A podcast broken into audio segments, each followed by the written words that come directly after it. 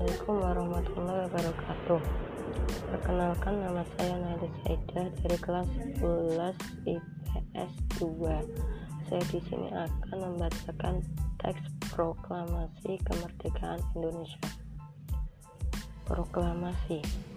Kami, bangsa Indonesia dengan ini menyatakan kemerdekaan Indonesia.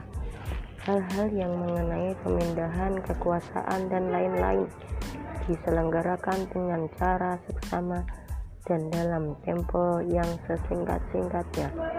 Jakarta, 17 Agustus 1945 atas nama bangsa Indonesia Soekarno-Hatta. Terima kasih. Assalamualaikum warahmatullahi wabarakatuh.